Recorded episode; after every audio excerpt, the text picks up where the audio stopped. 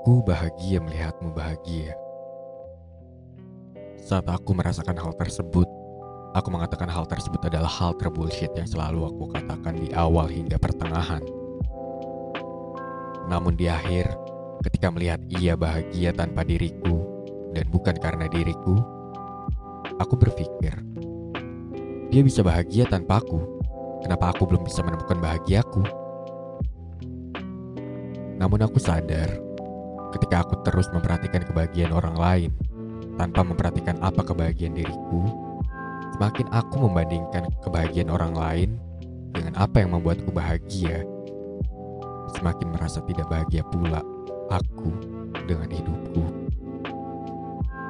Semoga kamu, aku, dan kita segera menemukan bahagia masing-masing.